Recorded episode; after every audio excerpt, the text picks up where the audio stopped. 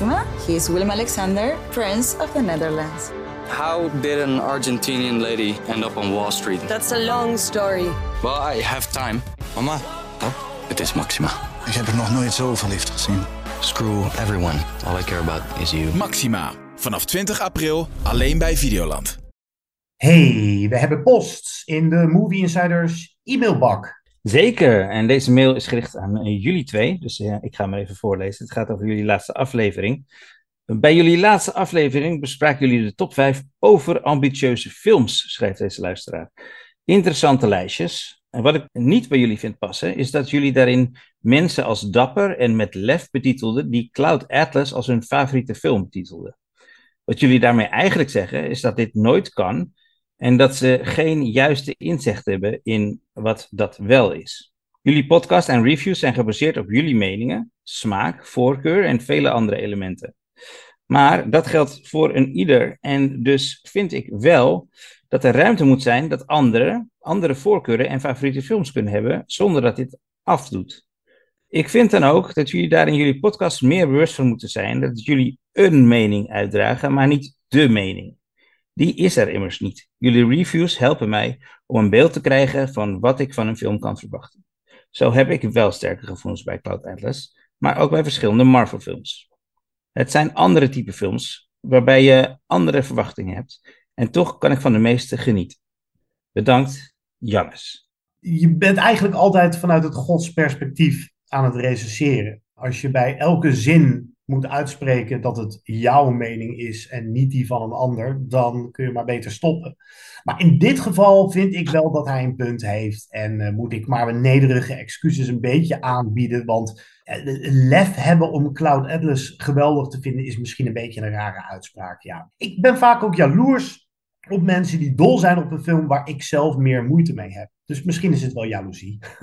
Het zou kunnen. Ja, ik weet nog vroeger dat ik, uh, toen ik nog gewoon recensies moest lezen in de krant, of uh, op toen net internet was, dat ik op een gegeven moment ook uh, heel goed wist welke recensenten ik het een beetje mee eens was en, welke recensenten ik het heel vaak niet mee eens was.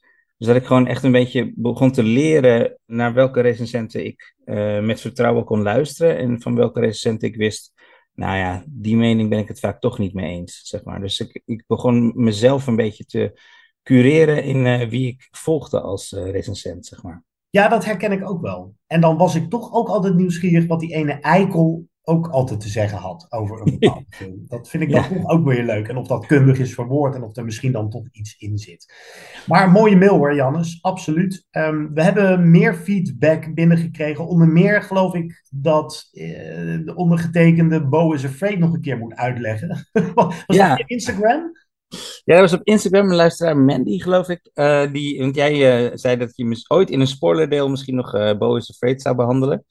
Zij schreef iets van, ik heb die, de film gekeken en hij spookt nu na weken nog steeds om mijn hoofd. Dus ik heb wel behoefte aan dat spoilerblokje van Guido. Dus misschien dat je daar nog een keer aan kan voldoen. Nou, dat moet ik misschien maar eens doen. Heb jij hem inmiddels gezien, Jasper, trouwens, Bo is nee. Afraid? Nog niet, nog niet. Nee. Die achterlijke film met Joaquin Phoenix. Nou, misschien als die op de streamer staat, dat we alsnog die belofte kunnen nakomen. Uh, dat ik die belofte nakom om mijn, mijn visie, niet de visie, op Ari Aster's achterlijke film uh, zal delen met jullie. Uh, feedback is altijd welkom. Dat kan dus via Instagram. We zijn ook te vinden op Twitter, at Movie Insight, op Facebook. Of, zoals Jannes deed, je kan ons een e-mailtje sturen naar movieinsiderspodcast.gmail.com. Hoi, ik ben Elise Schaap en uh, je luistert naar de podcast Movie Insiders.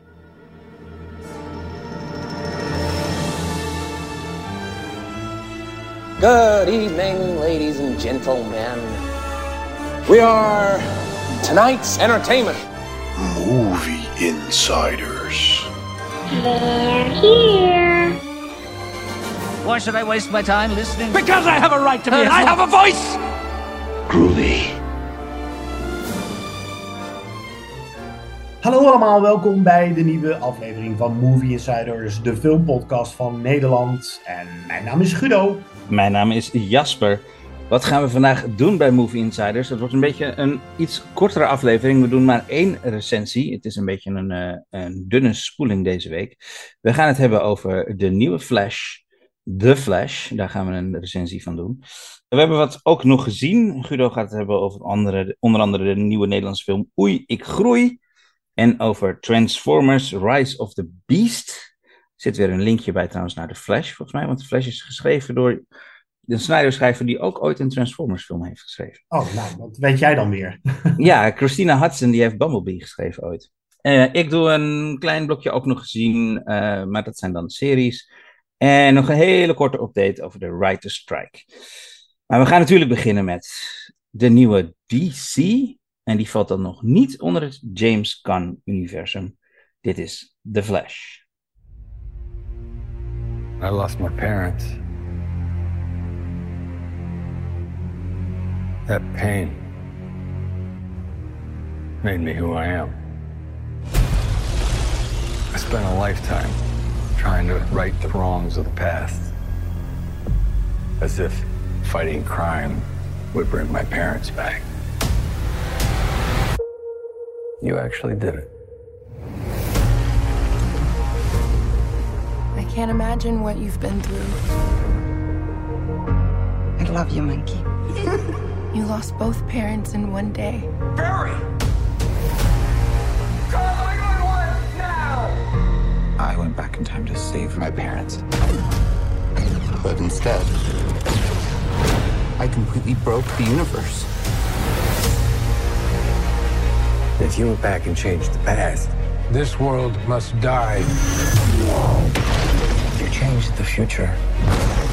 Do you know what this symbol stands for? It means hope, right? I will help you fight Zod. You want to get nuts?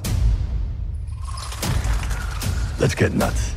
Wacht even, Michael Keaton is ineens weer Batman. De acteur hing het vleermuispak toch al in 1992 aan de wilgen. Dat was na Batman Returns van Tim Burton. Nou, in de huidige DC Comics divisie, waartoe ook Wonder Woman, Aquaman en Superman behoren, wordt hij toch al enige tijd gespeeld door Ben Affleck. We kunnen er maar beter aan geloven. Niet alleen zien we ruim 30 jaar na dato opnieuw Keatons ogen achter het latex masker. We worden zelfs getrakteerd op de bekende Danny Elfman theme uit de originele Batman soundtrack. Keaton en Ben Affleck mogen hier doodleuk komen opdraven. Verwarrend? Niet voor een beetje frequente bioscoopganger. Net als de laatste paar titels van concurrent Marvel, de stal van onder andere Spider-Man en de recente Oscar-winnaar Everything Everywhere All at Once begeeft ook de Flash zich in het multiversum van ontelbaar alternatieve werelden. Nou, dan de Flash zelf. Je zou nog bijna vergeten dat het hier draait om deze voormalige Justice League sidekick. Barry Allen is zijn naam. Hij wordt weer gespeeld door Ezra Miller, net als in bijvoorbeeld Justice League. En hij is zo snel dat de wereld om hem heen soms in ultra slow motion lijkt te bewegen. Als er paniek uitbreekt, is hij in staat de een na de andere afgevuurde kogel op zijn dode gemakje uit de lucht te plukken. In zijn eigen stand-alone, tussen aanhalingstekens film, ontdekt Ellen zelfs dat hij zo snel is dat hij kan tijdreizen.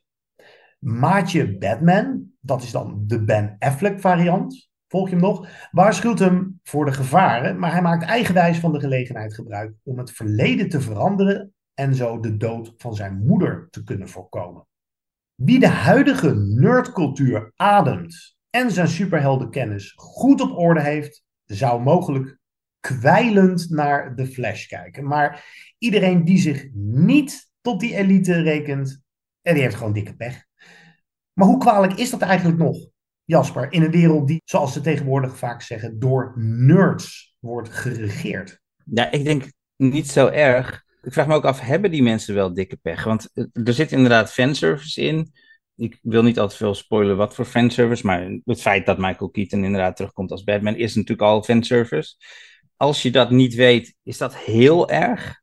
Kan je dan de film daardoor minder goed waarderen of minder goed volgen? Is niet zo'n ramp, denk ik. Wat wel belangrijk is, denk ik, ook om te beseffen, is dat uh, ja, dit is weer een, een multiverse film. Maar in comic books is dat hele multiverse uh, gedoe wel echt al sinds de jaren 70, 80 een ding. Omdat uh, in de comics liepen mensen het gewoon, de schrijvers, tegen dit soort problemen aan. En creëerden ze gewoon alternatieve tijdlijnen, waardoor ze uh, helden konden resetten, konden opnieuw beginnen met Peter Parker, konden ze een Miles Morales bedenken. Op een gegeven moment was er gewoon een reset nodig. En vooral bij, um, bij DC eigenlijk. Want die hadden veel meer dan Marvel al een langere geschiedenis van comics. Dus die hadden het gewoon nodig om Batman te resetten af en toe. Want je zei net, en dat is dan nu uh, uh, deze Batman. Maar ondertussen, we krijgen ook weer gewoon een The Batman Part 2. We krijgen ook weer een Robert Pattinson Batman binnenkort. Dat, dat gaat ook gewoon gebeuren. Dus die, die, die, met dit multiverse idee kan je dat naast elkaar laten bestaan op een soort comicbook manier. Weet je wel, deze Batman is er, maar de Robert Pattinson Batman bestaat ook gewoon. Ja, nou ja, goed. Of je nou wel of geen last hebt van het wel of niet herkennen van al die verwijzingen die in de Flash zitten. We hebben het steeds over Michael Keaton, maar trust me, er is meer aan de hand. Er komen meer figuren opdraven die ja, uit de nostalgie grabbelton worden getrokken. We gaan, gaan ze niet allemaal noemen, want dat, dat zijn wel spoilers, vind ik. Ja. Dat zijn spoilers. Dus daar moeten we een beetje voorzichtig omheen dansen. Maar ja, ik word wel een beetje moe van die fanservice. Laat ik het zo zeggen. We, we, zien hier vooral grapjes en verwijzingen die leuk zijn voor iedereen die een beetje wegwijs is in de geschiedenis van de populaire cultuur. Zo speelt in een van die realiteiten waar The Flash in belandt, niet Michael J. Fox, maar de veel minder bekende acteur Eric Stoltz, de hoofdrol in Back to the Future. Mhm. Nou, dat is leuk voor iedereen die weet dat Eric Stoltz inderdaad bijna die rol had bemachtigd. Wie weet wie dat hij, was de, hij, hij had de rol zelfs, ja. Ja, hij had eigenlijk zelfs de rol. Ja, dat is grappig voor even een tussenzinnetje. Maar hier wordt daar niet alleen een, een stevige, ruimig. Uh, er wordt ruim de tijd genomen om die grap te maken. Het keert ook nog een paar keer terug. Ja, dan haal je je schouders op als je daar geen feeling mee hebt. En Ja. de Flash serveert zo echt een berg aan dit soort in-crowd vondsten. Ja. En dat gegeven, die nostalgie, dat wordt hier uitbundig gevierd. Vooral in de finale. Dan gaat die gabbelton echt wagenwijd open. Ja. Maar wat er allemaal uit die ton komt, of dat nou de plot vooral vooruit helpt, dat vraag ik me af. Het is meer het spelletje, hé, hey, daar is de oude Batman. Kijk, daar is schurk Zod uit Man of Steel weer. Uh, verrek, dat is Supergirl. En krijgt nou wat, uh, weer een Superman. En misschien nog wel één. En misschien nog wel één. Kijk, Spider-Man Across the Spider-Verse, heel recent, die animatiefilm die uh, John en ik de hemel in hebben geprezen. Uh, als je die nog niet hebt gezien, nu naar de bioscoop, dit is je kans. Die deed dat ook, maar ik kreeg het idee dat daar alles wel in dienst stond van het overkoepelende verhaal. Sterker, die film ga je volgens mij ook te gek vinden als je zo goed als geen van die verwijzingen herkent. Ja, nee, dat klopt. Ja, en je kan je ook afvragen met die timing, hè, want ja, ze kunnen natuurlijk niet heel veel aan doen. Want deze film is uh, door COVID meerdere jaren uh, vertraagd. Maar ja, dat je één week na Across the Spider-Verse uitkomt met deze film, is natuurlijk wel extreem pijnlijk. Want Across the Spider-Verse wordt wel algemeen gezien nu als misschien wel een van de beste superheldenfilms ooit gemaakt. En dan kom je één week later met ja, een live-action versie van een multiverse actieheldenfilm. Dat is echt wel extreem pijnlijk. Had je het dan niet nog nog twee maandjes uit kunnen stellen. Nog meer uitstellen. Ja, ja, want één week na, na Across the Spider-Verse is het natuurlijk gewoon... Ja, dat, het is onvermijdelijk dat, dat er vergelijkingen gaan worden getrokken. En dat wil je niet. Misschien hadden ze hem gewoon... Ja, of inderdaad langer moeten uitstellen... of toch nog iets eerder uitbrengen... dat je er net voor zat of zo. Uh, of ja, misschien... Eh, want dat doet Warner Bros. ook uh, tegenwoordig. Gewoon cancelen. Ze hebben een bijna afgeronde versie van Batgirl laatst nog uh, helemaal gecanceld ja, dat was misschien beter geweest dan tegelijkertijd met Spider-Verse uitbrengen. Ja, Want ja, ja die, die vergelijking, ja, die, die gaan wij niet helemaal uitgebreid hier maken, Guido. Maar ik bedoel, Spider-Verse is toch oneindig veel beter, of niet? Ja, die is oneindig veel beter. Onder meer om de reden die ik net aangaf. Het plezier zie je wel ook terug in de Flash. En dat wil ik als voornaamste positieve kritiek noemen. Je kan mm. zeggen wat je wil, maar de, uh, de hoofdzakelijk op gimmicks drijvende film heeft een feestje te vieren. En, en, als je je uitgenodigd voelt, dan ga je hier vast wel van smullen, denk ik. Het, het is heel veel van die DC-films, die voorganger, zoals uh, nou, Aquaman en Man of Steel en Batman v Superman. Die miste een beetje de ironie en de lol. En die zit er hierin. Kijk, of ik nou om elke grap erg moest lachen, dat weet ik niet. En er is uh, ook een hoop kritiek in de meer negatieve sfeer hier aan te halen. Maar ik vind het wel een stap vooruit naar al dat uh, naargeestige, uh, dat zelfserieuze van de eerdere DC-titels waarvan ik het ja. noemde. Dus ik, ik ben over het algemeen wel redelijk positief. Wat, wat jij? Heb jij ook genoeg lol beleefd aan de Flash? Ja, ja zeker wel. Um, ik vind zeker dat de Flash uh, dingen goed doet ook. Hij neemt een voorbeeld, uh, zijn personage is best wel serieus, zonder dat het vervalt in een soort van algehele depressie. En ik vind ook de actie uh, vaak in, in deze, in, in, sowieso in, in superheldenfilms vaak heel erg oninteressant. omdat je heel vaak ja, eigenlijk een beetje van buitenaf ernaar zit te kijken. Want de superhelden kunnen, kunnen allemaal dingen die jij niet kan. En je kan er als kijker ook niet in meegaan. Want je kan niet voelen hoe het voelt om een hamer te gooien of om vuurballen te schieten of zo. Maar uh, bij de Flash, omdat ze de tijd letterlijk stil kunnen zetten, kan je als kijker echt wel een beetje meegaan in hoe het voor de Flash voelt om zijn kracht te gebruiken, zeg maar. Dus je, kan, je, je zit eigenlijk meer in de actie. Je kijkt er niet echt zo van buiten naar, maar je kijkt er meer van binnen naar de actie. Je snapt daardoor heel goed hoe het is om de Flash te zijn, om Barry te zijn, om die krachten te hebben en, en ze te gebruiken. En dat vind ik op zich best knap gedaan, vond ik. Zeker, en dat vond ik uh, vooral ook werken in de eerste acte. De eerste tien Die is zo, zoveel sterker, ja. Ja, dus heel sterk. Een ja. van de betere actiescènes uh, uit het DC-universum. Waarin ja. de Flash onder meer een nou, bijna instortend ziekenhuis uh, moet redden. En vooral de kraamafdeling, ja. daar moet hij te hulp schieten. En dat wordt dan vervolgens afgewisseld met een strakke actiescène. waarin Ben Affleck's Batman achterna wordt gezeten. Andy Muschietti is de regisseur, die naam hebben we nog niet genoemd. Die heeft eerder de nieuwe It-verfilming gedaan, part 1 en 2, die Stephen King-verfilmingen.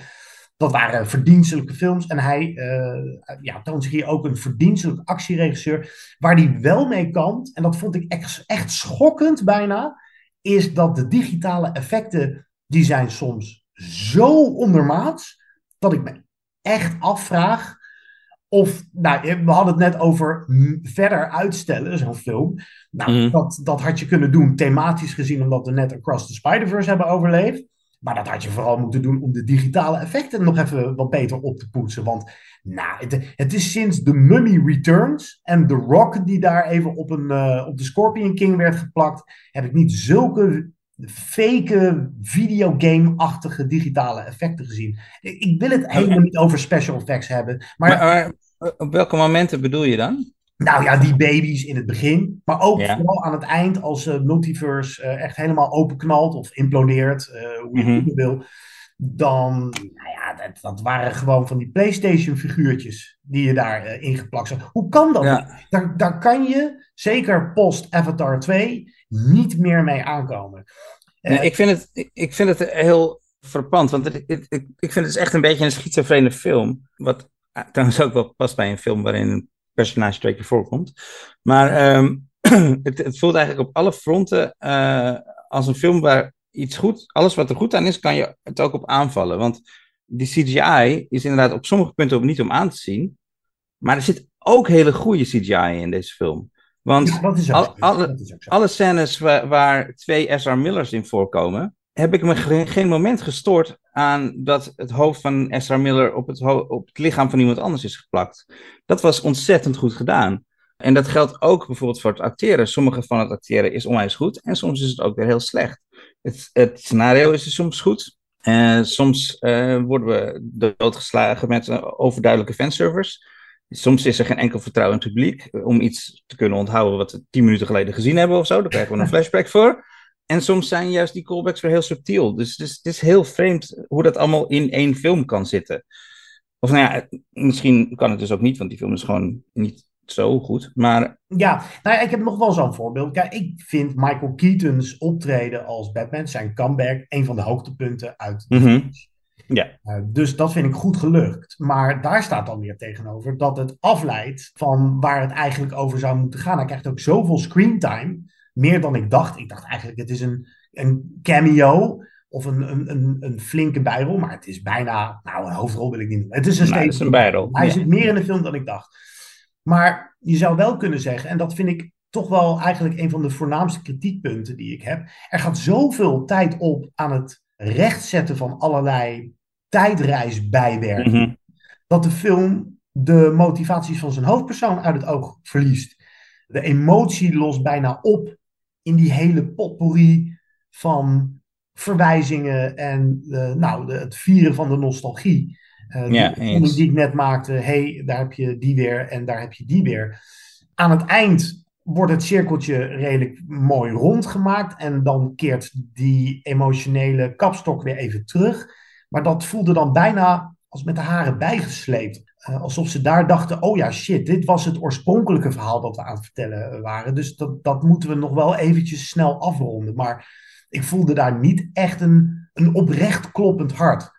Ze zijn Hmm. hier, eh, de makers zijn enthousiast en vinden het leuker om te strooien met verwijzingen. Dan echt een, een ontzettend pakkend verhaal te vertellen. Ja, ik heb ook het gevoel, want de vergelijking maken we nu de hele tijd met, eh, met Spider-Verse, of tenminste, dat, is de logische vergelijking omdat die net uitkomt. Maar je hebt heel erg het gevoel dat ze ehm, No Way Home hebben gezien en dat ze dachten, oh, dat moeten wij met DC doen. ook doen. Ja, precies. Dit is gewoon DC's versie van Far From Home. Ja, ik wilde nog wel even over het eh, acteren hebben, het spel. Ik vind het een beetje moeilijk te zeggen wat eh, regie is en wat acteur is in dit geval. Maar ik vond dat Ezra Miller in het begin hun personage iets te nerveus, zeg maar in die openingsscène dat hij dat, hij dat broodje bestelde, iets te nerveus, te veel tics, te onzeker, te angstig maakte. Maar dat deden ze waarschijnlijk omdat later, als, als Barry dan uiteindelijk de andere Barry ontmoet, dan laat Miller die, al die nervositeit en tikjes los bij hun originele Barry. Waardoor hij weer een hogere status krijgt ten opzichte van de nieuwe, ja, de jongere Barry. En dan geeft hij al die doses, al die tikjes juist aan die jonge Barry, zeg maar. Ja, om het, om het contrast, om een contrast aan te brengen. Ja, ja, exact. En dat werkte, werkte op zich wel eh, oké. Dat was op zich wel een slimme keuze, vond ik. Ja, daar ben ik het wel mee eens. En eigenlijk, ik kwam de film uit, eh, wij kwamen de film uit en toen zeiden Ja. we elkaar, nou, Ezra Miller, is hij goed genoeg om een hele film te dragen? Zijn Dus ze het is goed- goed dat hij wordt omringd door allemaal andere helden.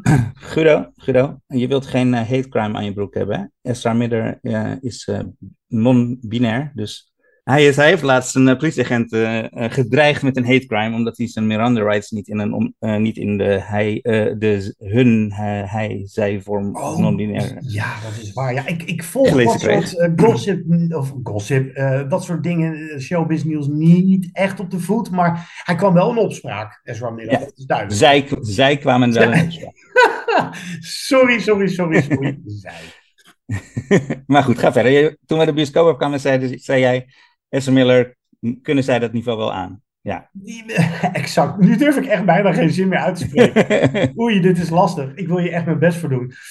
Maar als je twee versies ziet, vind ik het toch wel weer redelijk werken. Dat contrast is dusdanig groot. En het is ook een slimme vondst om de een de ander rond te leiden, te Ja. laten rondleiden in de multiverse. Waardoor Ezra Miller toch ook de functie heeft van gids voor de kijker. Zeker. twee versies. Dus dat, dat, misschien doen we Ezra Miller een beetje te, of deden we een beetje tekort toen wij de zaal uitkwamen. Ja, ik denk het ook. Ik denk dat Esther Miller dat op zich goed doet. Eh, ik heb hem in die andere, eh, want hij heeft natuurlijk al, de, of ze hebben die, eh, dit personage al vaker gespeeld, Barry. Ik heb die andere films niet gezien. Ik kan me voorstellen dat Barry die tikjes en die, die, die in die andere films de hele tijd heeft, omdat hij een beetje eh, ja, het, de, de Spider-Man van het DC-universe is, zeg maar. Dus het, het kindje van, van de Justice League is. En dit is natuurlijk de eerste film die echt eh, aan Barry hangt, aan Esther Miller hangt. Ja, en ik vind dat ze daar goed mee wegkomen. En het, het andere acteerwerk, waarom is Michael Keaton zo lekker als Batman? Zit hem dat puur in Ja. de herkenning? Of is hij gewoon Nee. heel goed? Hij is goed omdat hij, eh, hij neemt heel veel rust. Een soort ehm, ja, relaxedheid. Zijn wijsheid maakt hem- misschien ook wel. Ja, in zijn wijsheid. En het maakt hem ook hij, niet heel veel uit of zo. eh, wat er gaat gebeuren. En dat, eh, dat geeft gewoon een heel fijn gevoel. Ik heb Michael Keaton altijd het meest geloofd als een eenzame Bruce Wayne. die Mhm. zijn roeping heeft gevonden, maar er ook van baalt. Ja. Eh, die eigenlijk een veel leuker, bruisender eh, privéleven had kunnen hebben als hij niet dat vleermuispak had aangetrokken of als zijn ouders niet waren vermoord. Dat heb ik bij hem altijd het meest geloofwaardig gevonden. En dat keert direct weer terug. Dat heb ik bij Ben Affleck helemaal niet. Eh, bij Robert Pattinson had ik dat ook niet. Dat, en of dat nou weer aan Pattinson ligt, daar kun je ook nog een hele discussie over voeren. Maar het zit Mm. ook in die prachtige, strenge ogen van. Michael Keaton. Het is echt eh, fijn om hem weer terug te hebben. En verder is, is de, de Flash is dus een beetje een potpourri, maar Ja, ik wilde eerst nog, voordat ik naar een eindconclusie kom, wilde ik nog eh, een paar, heb ik nog een paar nitpicks. ja, nee, kom maar door. Even, die ik nog even wilde zeggen. Sowieso vond ik trouwens wel dat eh, de film soms hele slimme keuzes maakte. Ik vond het heel slim hoe ze toch even een soort origin, story van de Flash gaven. Eh, maar dan op een hele andere manier dan we gewend zijn. Dat vond, ik heel slim bedacht. Eh, en er zitten wel meer van dat soort slimme ideeën in. Alleen eh, heeft de film dus als geheel helaas geen overkoepelend idee. Dat is dan wel jammer. Kleine, ik had een kleine soort van nitpicks als in plotholes. Waarom heeft hij nog nooit eerder ontdekt dat hij zo snel kan rennen dat hij terug kan gaan in de tijd? Ja. En maar dat vond ik ook al bij Spider-Man No Way Home. Daar is ineens uh, multiverse. Omdat, omdat Doctor Strange geloof ik een foutje maakte of zo. Ja, Doctor, Strange- Doctor Strange kon dat altijd, maar hij wilde dat nooit en ineens... Ja, zoiets. Het kan gewoon wel op dat moment van ja. de plot en het script eh, kan het Ja. uit om die multiverse open te breken. Ja. Dat is hier ook een beetje. En ik vond ook, eh, hij merkt dat hij in een, in een ander universum is en hij weet dat Aquaman nooit geboren is en al zijn superhelden vrienden zijn nooit geboren. Nou, daar stapt hij zo overheen. Maar als hij hoort dat Eric Stoltz eh, in, Batman, eh, in Back to the Future speelt, nou dan weet hij dat hij echt iets moet gaan, gaan veranderen of zo. in de film heeft eh, de boodschap, net zoals Spider-Verse, dat, dat je die, die pijn uit je jeugd nodig hebt om een superheld te worden. Aan de andere kant vertelt deze film dus ook het verhaal dat de jongen, de versie van Barry, die zonder ouders is opgegroeid, beter is opgegroeid dan de, de versie van Barry die met ouders is opgegroeid.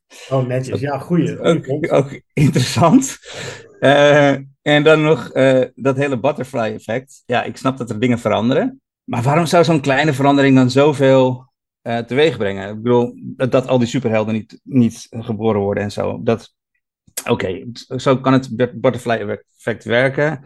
En dat is dan nog allemaal op aarde. Maar waarom zou Superman niet aangekomen zijn op aarde vanwege zo'n klein dingetje? Dat, dat is niet eens op aarde. Hoe kan dat effect hebben op. Nou ja. Ja, maar het zijn wel interessante nitpicks. Want ik heb, ik ben geen Marvel fanboy, maar ik heb het idee dat bij Marvel dat soort zaken beter zijn uitgekristalliseerd.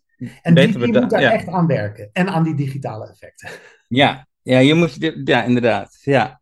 Ja, inderdaad. Voor mij, deze film is, eh, waar, nou ja, om het rond te maken naar je beginvraag, is te veel eh, fanservice. En dat is nog tot daar aan toe. Maar dan komen eh, de cameo's. En wat ik wel grappig vind, is eigenlijk dat de film daar zelf doet. Wat Barry de hele tijd, waar, waar de film eigenlijk Barry de hele tijd voor waarschuwt. Namelijk dat je de doden niet tot leven kan wekken. Nou, met lelijke CGI kan dat best hoor. nou, die cameo's, als je zo mag noemen, hebben geen enkel doel in de film. Behalve even te laten zien wat Warner allemaal in huis heeft. Ja, dat wisten we al. Nu alleen nog even met die prima personages goede films maken. Straks een blokje ook nog gezien. En we staan nog even kort stil bij die Writers Strike. Jasper gaat ons weer helemaal bijpraten. Wat moeten we weten over wat er allemaal gebeurt in Hollywood? Eerst even een adempauze, een stukje muziek, eh, een stukje soundtrack van The Flash. En laten we dan ook gewoon lekker dat thema draaien dat hier eh, uit de speakers komt knallen zodra Michael Keaton in beeld verschijnt. het oude Batman-thema van componist Danny Elfman.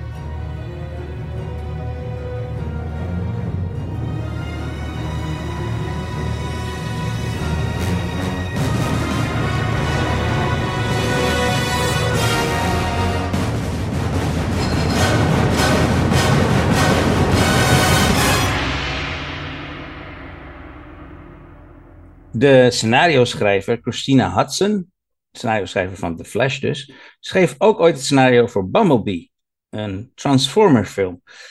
Nou, Guido, jij hebt voor het blokje ook nog gezien de nieuwe Transformers, Rise of the Beast gezien.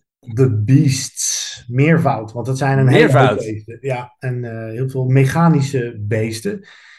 Je hebt hier de Maximals, de Predacons en de Terrorcons. En ik ga niet uitleggen wat precies de verschillen zijn. Bedankt. Ja, ik heb niet zo heel veel met Transformers. Ik had het ook nooit zo heel veel met Transformers als kind. Jij trouwens? Nee. Ja, nou, maar wij hebben het over de film. Hè? Eh, daar gaat het even om. Wat ik altijd een probleem vond van die Michael Bay Transformers films is... Ja, het is alleen maar actie. Het is hele saaie actie. Het is metaal tegen metaal. En dat niet een anderhalf uur, maar soms twee uur of tweeënhalf uur lang. Maar ik denk dat ze wel iets hebben geleerd van die Michael Bay films. Namelijk dat je ook een soort van meer humanistisch perspectief moet hebben. Dat de mensen ook nog iets voorstellen. En daarom was denk ik Bumblebee, waar je naar refereerde, uit eh, 2018 wel een schot in de roos. Eh, die hield het klein. Dus een stapje terug doen is soms zo gek nog niet. En in Rise of the Beast wordt een beetje naar de middenweg gezocht. Dus centraal staat dan een voormalig soldaat. Die wordt gespeeld door Anthony Ramos. Die kennen we uit de ondergewaardeerde filmmusical In the Heights. Wat mij betreft ondergewaardeerd. Uh, en die krijgt dan geen kans op de arbeidsmarkt. Uh, terwijl hij wel heel ambitieus is en hij wil zijn zieke broertje helpen.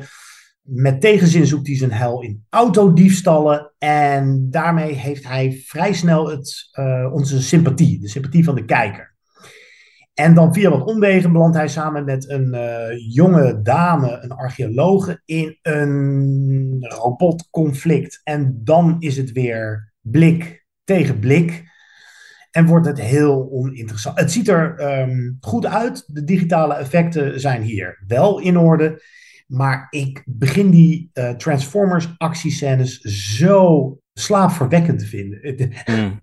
het gaat zo nergens heen. Dus zodra de robots gaan knokken, dan zoom ik uit en ik zoom weer een beetje in, of ik ben er weer een beetje bij als Anthony Ramos centraal staat. Maar nou ja, het, het is een beetje, um, het is beter dan de gemiddelde Transformers film, maar dan ben je er nog lang niet. Ik vond het wel interessant inderdaad. Ik hoorde laatst gisteren iemand zeggen van, ja, dat, Across the Spider-Verse, dat is, kan ook veel beter zijn, want het is getekend. Uh, toen dacht ik, ja. ja, maar Doctor Strange is ook getekend. En ja. Transformers is ook getekend. Weet je wel, het is, geen, het is een ander soort animatie, maar het is, het is ook gewoon getekend. Ja, het begint ook met storyboards. En uh, zeker ja. bij actiescènes moet je dat uh, helemaal qua choreografie uitdokteren van tevoren. Ja. ja. Dus dat kun je echt wel interessant maken. Dus um, ja, het, het, het, is een beetje dat. Het, het probleem van dat de mens geen reet voorstelt in dit soort films wordt opgelost, soort van. Uh, nu nog die actie interessant zien te krijgen. En dan heb je misschien wel een hele fatsoenlijke Transformers film. Oké, okay, duidelijk, duidelijk. Dan zag je nog één andere Nederlandse film. Ik uh, hou mijn hart vast. Oei, ik groei.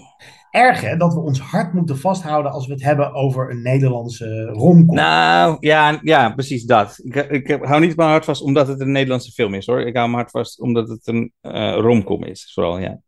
Nou Oei, ik groei is van oorsprong een uh, boek. Het ja. wordt eigenlijk al heel lang beschouwd als een soort van babybijbel over de mentale ontwikkeling van uh, kindjes, pasgeboren kindjes. Ja. ja. En deze film, uh, die focust zich uiteraard op de voorspelbare sprongetjes van hun ouders. We volgen eigenlijk drie stellen en die stellen die worden eigenlijk onderworpen aan alle denkbare clichés die je tegenwoordig blijkbaar in een romcom uit de polder moet hebben. En ook nog een paar hele akelige, stigmatiserende grappen. Hier zit een, een grap in, een besnijdenisgrap, Jasper. Ik zal hem dan toch maar even niet spoileren. Voor... Doe me niet. Doe me niet. Nee, okay. Ik doe het niet, maar eh, nou, dat kon echt niet. Dat kon echt niet. Maar goed, uh, al na vijf minuten weten we eigenlijk genoeg. Dan uh, uh, zie je onder meer Katja Schuurman en Sarah Gronis zijn dan een koppel. En die vraagt dan vanuit de keuken of hun goede vriend en de zaaddonor Kai, gespeeld door Louis Talpe, Belgische acteur, al is klaargekomen in een pot pindakaas. Uiteraard uh, scheldt een uh, vrouw haar vent verrot tijdens de bevalling. Want dat doe je als vrouw. Dan, dan ga je fitten op je vent. Mm. terwijl wel je make-up uh, helemaal perfect zit en er geen zweetdruppeltje te zien is. gezonde blosjes op de wangen dus. Maar het ergste is eigenlijk het verhaallijntje met Jolante Cabau. die is dan getrouwd met een Marokkaanse man. Terwijl zij dan probeert te genieten van het prille moederschap, probeert haar vent van alles door te drukken. Dus nou, vul alle voordelen maar in. Dus zijn complete Marokkaanse familie is altijd en overal aanwezig. Eh, ze moeten zich overal mee kunnen bemoeien, vooral oma. Er staat ineens een schaap in de badkuip om te offeren. Dat jongetje, een zoontje, moet worden besneden natuurlijk. En dat zijn allemaal zaken die je blijkbaar pas na de bevalling met je partner bespreekt. Um, maar dat zijn ook zulke stigmatiserende, flauwe grappen. Ik, ik, vind het echt niet erg als er een paar grappen over een cultuur worden gemaakt. Maar doe het dan een beetje slim of zo. En ja. zo, ja, welke grappen over Marokkanen kan je maken? Nou, deze. En ik wil echt niet Mr. Woke uithangen, maar hier er echt zo, zo ontzettend uh, moe van. En uiteraard um, zijn de mannen, zijn, dat zijn de beulen, die uh, weigeren uit hun bed te komen als er uh, wordt gehuild door het kindje s'nachts, nachtelijk gekrijs. Of ze morsen het moedermelk dat moeder de vrouw net heeft afgekolfd. ze gebruiken theedoeken als luiers. En, en, mannen doen wel meer foute dingen, ook een beetje op um, vreemd, vreemdgaansvlak. Um, ja, oké. Okay, Maar, zegt de film, ach, het zijn mannen. Hè? vergeef het ze nou maar. Het zijn mannen, ze kunnen er niks aan doen. Echt serieus, dat soort dingen zit allemaal in deze film. En dat maakt het, uh, nou ja, gewoon een, een tenenkrommend werk. Het, hij is van de maker van Just Say Yes, ook met Jolante Cabau. Ah, het is echt om verdrietig van te worden. Ik, ik wilde er eigenlijk niet bij stilstaan, maar het is toch wel een grote Nederlandse film op Netflix. Die ook wereldwijd dus wordt uitgebracht. De Engelse titel is The Wonder Weeks. Tuurlijk. The Wonder Weeks. Nou, ik, uh, het zou me verbazen als ze over de grens hier wel van smullen. Vergeet niet dat er een sprongetje aan zit te komen. Het is nu gewoon anders. We slapen bijna niet. Ik heb het gewoon heel druk. Saap en ik moeten jullie iets vertellen. Gaan jullie eindelijk trouwen? Ja. Sammy wordt besneden. Oh. Wat leuk. Wil je nog partner worden? Ja, ook nu je moeder bent. Ja, ik ben wel moeder, maar dan hoef je me nog niet gelijk af te schrijven. Wow. Klein is geboren uit twee culturen. Laten we dat alsjeblieft aan hem liggen.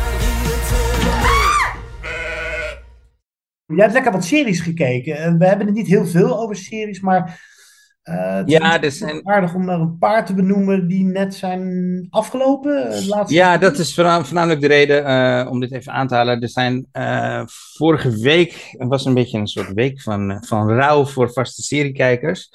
Want in één week stopte er een aantal grote series. Het begon op zondagavond Amerikaanse tijd met de laatste aflevering van het geniale Succession echt een hele mooie grote tentpole show die uh, uh, vier seizoenen heeft gehad. Britse schrijver, dus die, uh, deze serie had ook makkelijk nog tien seizoenen, door kunnen gaan. En dan steeds hetzelfde trucje blijven herhalen. Maar een, een goede Britse schrijver weet wanneer hij klaar is. en heeft de show echt op het goede moment geëindigd met een echt een goede, waardige finale. En een goede finale maken is altijd heel moeilijk. stick the landing, zeggen ze dat altijd ja, deze serie, als je hem niet gekeken heeft, hij is nu dus helemaal af. Dus je kan hem eh, helemaal uh, gaan kijken.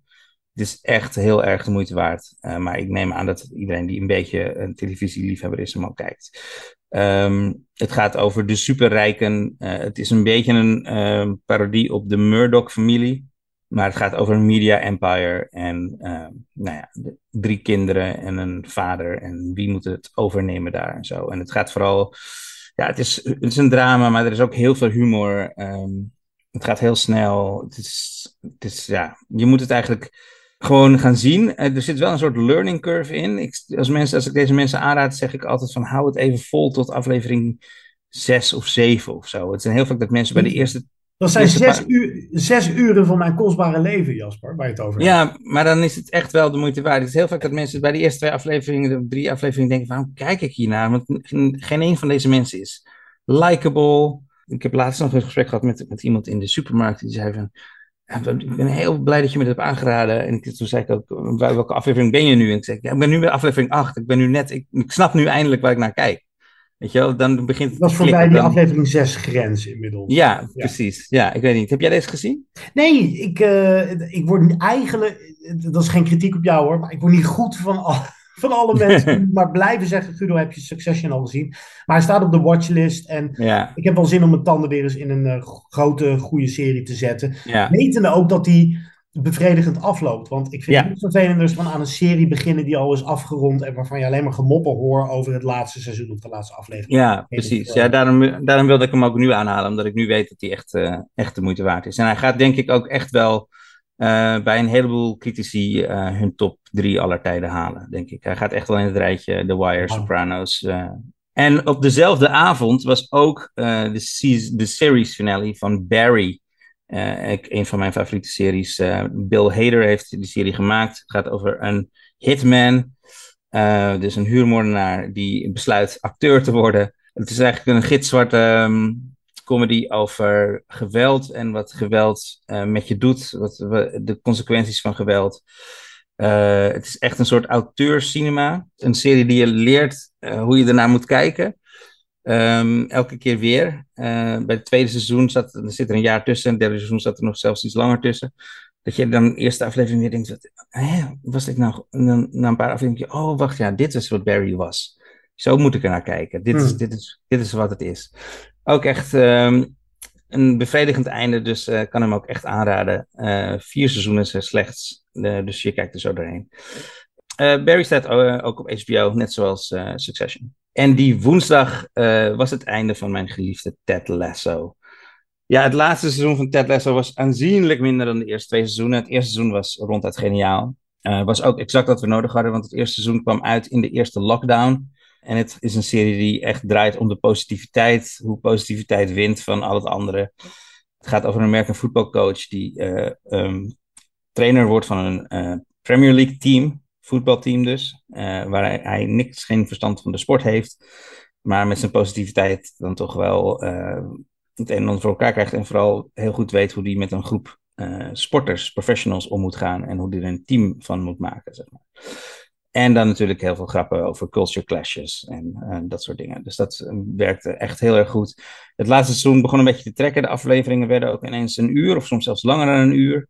Terwijl het eerst 20, 30 minuten was. En er kwamen allemaal verhaallijntjes bij, wat iets te veel was. Uh, wel nog een hele leuke aflevering, helemaal in Amsterdam. Uh, wat echt, oh. ik heb nog nooit een serie uh, gezien die zo goed in Amsterdam was, zeg maar. Dus ze gingen naar bijvoorbeeld Jazz Café Alto en dan waren ze ook echt in Jazz Café Alto. Of ze, ze gingen naar een gay bar, en gingen naar de prik. Je zag ze al buiten bij, staan bij de prik en dan gingen ze naar binnen en dan waren ze ook echt binnen bij de prik. Niet ergens op een geluidsset in Londen, maar echt alles klopte, zeg maar. Dus dat was echt uh, heel leuk om te zien hoe goed dat... Ja, dat komt ook omdat de, een van de schrijvers heeft uh, voor Boom Chicago vijf jaar gewerkt. Dus heeft vijf jaar in Amsterdam gewoond. Maar dat klopte echt helemaal.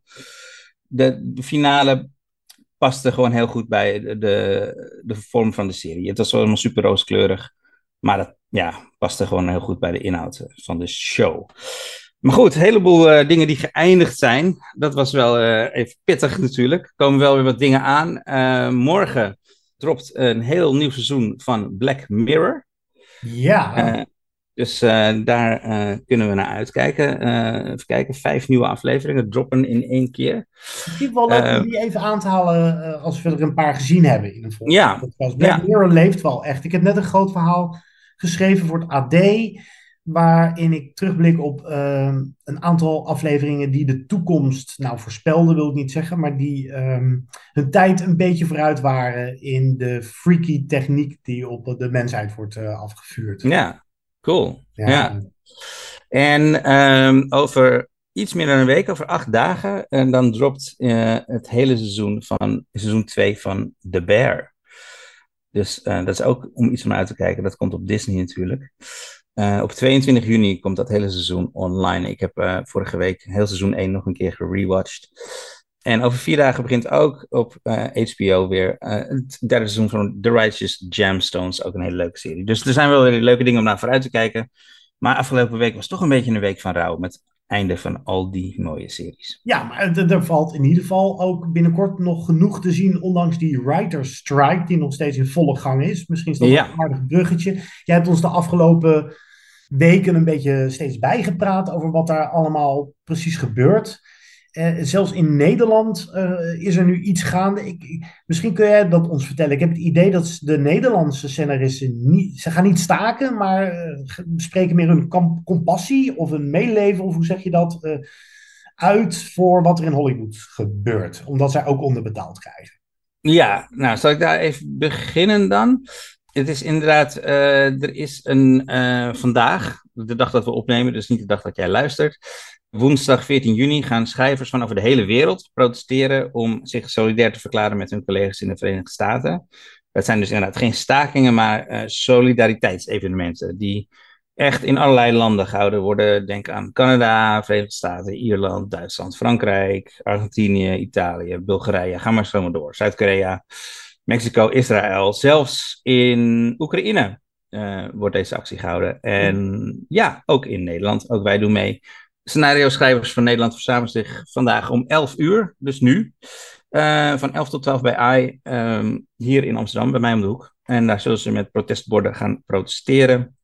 Wat wel een kleine kanttekening is bij deze actie van solidariteit, eh, is wel dat eh, de streamers, vooral de streamers, dat contentgat dat nu valt, omdat er een writer strike is in de Verenigde Staten, gaat vullen door meer series uit het buitenland te, aan te gaan kopen. Eh, dus meer series eh, aan te gaan kopen uit de landen die nu deze actie voeren. En eh, ja, dat die schrijvers die nu aan het protesteren zijn, gaan die opdracht natuurlijk wel met twee handen aanpakken. En dat is heel begrijpelijk, want het zou zomaar Ja. je grote kans kunnen zijn op een doorbraak.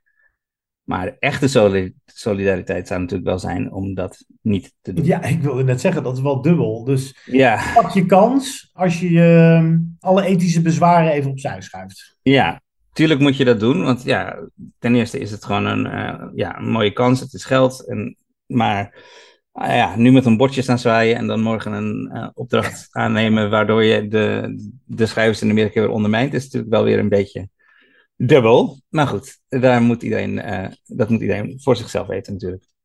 Dan over de, de strike zelf. Eh, de regels zijn een klein beetje veranderd. De regels van ehm, de Writers Guild, eh, vooral rond de promotie. Ik zei vorige keer toen ik bij John was dat schrijvers mogen hun eigen producten ook niet meer promoten. Dus dingen die al af zijn, mogen ze geen interviews meer voor geven. Ehm, dat is nu een beetje veranderd, gelukkig. Dat mag nu weer wel.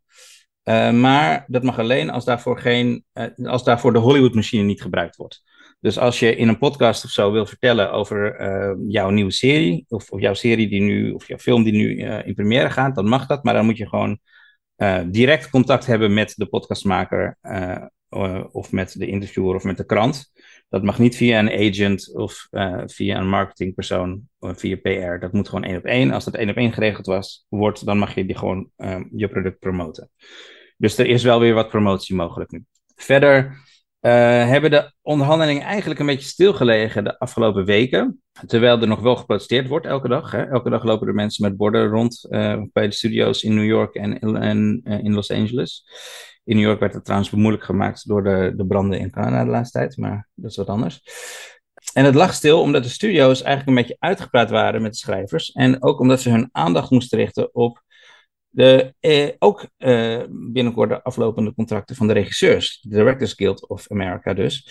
Ehm, die zijn de afgelopen tijd in gesprek geweest met de studio's. En de studio's zijn daar aanzienlijk toeschietelijker geweest. Hmm. Eh, en ze hebben veel meer concessies gedaan naar de regisseurs dan ze naar de schrijvers hebben gedaan. Ze hebben, ze, eh, ze hebben ze natuurlijk lang niet alles gegeven wat ze wilden, maar wel echt een hele hoop. Onder andere die eis eh, dat in het contract wordt opgenomen dat een regisseur altijd een mens moet zijn. Dezelfde eis die de studio's niet wilden ondertekenen voor de schrijvers. En wij hadden het vrijdag na de film er nog even over. En toen we de Flash uitkwamen, toen was het nog onzeker. En het was ook nog even spannend. Maar afgelopen weekend hebben de studio's en de Directors Guild een akkoord bereikt. Dus de regisseurs hebben nu een CAO. Dus die gaan niet staken. Wat betekent dit voor de writer's strike? Nou, verschillende dingen. Ten eerste, zoals ik in een eerdere aflevering al zei, zijn veel regisseurs ook schrijver. Ehm, dus die staken even goed al als schrijver. Maar ze mogen nu wel dus andere dingen gaan regisseren natuurlijk. Uh, reality dingen, waar geen schrijver bij nodig is. Uh, maar wat het voornamelijk voor gevolg heeft, is dat de studio's nu een hele stevige onderhandelingspositie hebben gekregen ten opzichte van de schrijvers. En dan vooral in de publieke opinie. Want als de studio's er met de regisseurs zo makkelijk uit konden komen, ja, zijn het dan misschien toch niet de arrogante studio's, maar die lastige schrijvers die het probleem hier zijn.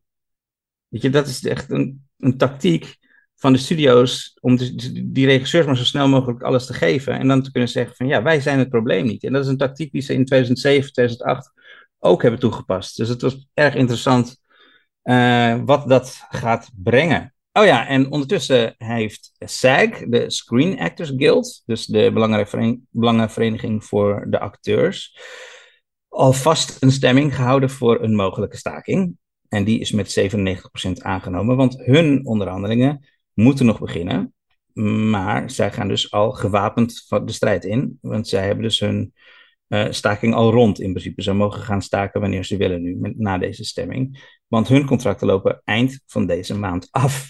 Dus dat wordt ook wat, nog wat. Die kunnen ook nog gaan staken. Interessant. Ik uh, ja. uh, laatst een, een column uh, waarin ik een beetje spottend zei: joh, waar hebben we die scenaristen nog voor nodig? We hebben toch Jet GPT tegenwoordig. Ja. En daar gooi je wat elementen in. En dan komt er een heel fatsoenlijk. Nou ja, er komt een idee voor een film uitrollen. waar sommige Hollywood-kastkrakers nog wat voor kunnen leren. qua originaliteit. Maar dat was natuurlijk een beetje sarcasme. Uh, overigens is dat ook een punt van bespreking, hè? Uh, wat te doen met artificial intelligence. Ja, ja, zeker. Ja, en dat is ook de reden waarom de, de studio's dat uh, niet, dus niet willen tekenen dat een schrijver een mens is. Omdat ze de deur open willen houden ja. voor, voor AI als scriptschrijver. Best wel cynisch en ja, niet, ja, niet per se iets waar ik om voor sta te springen. Maar, Heel vrolijk van woord, nee. Nee. En dan als laatste is trouwens nog wel interessant dat uh, de zenders uh, eigenlijk nog heel weinig hiervan merken qua advertentieinkomsten. Uh, er is een recent onderzoek geweest en er is gebleken dat van de meeste adverteerders eigenlijk hebben gezegd dat ze nog genoeg content zien, zo sport, unscripted, en de bestaande video-on-demand programmering om tot nu toe evenveel te blijven investeren als doen.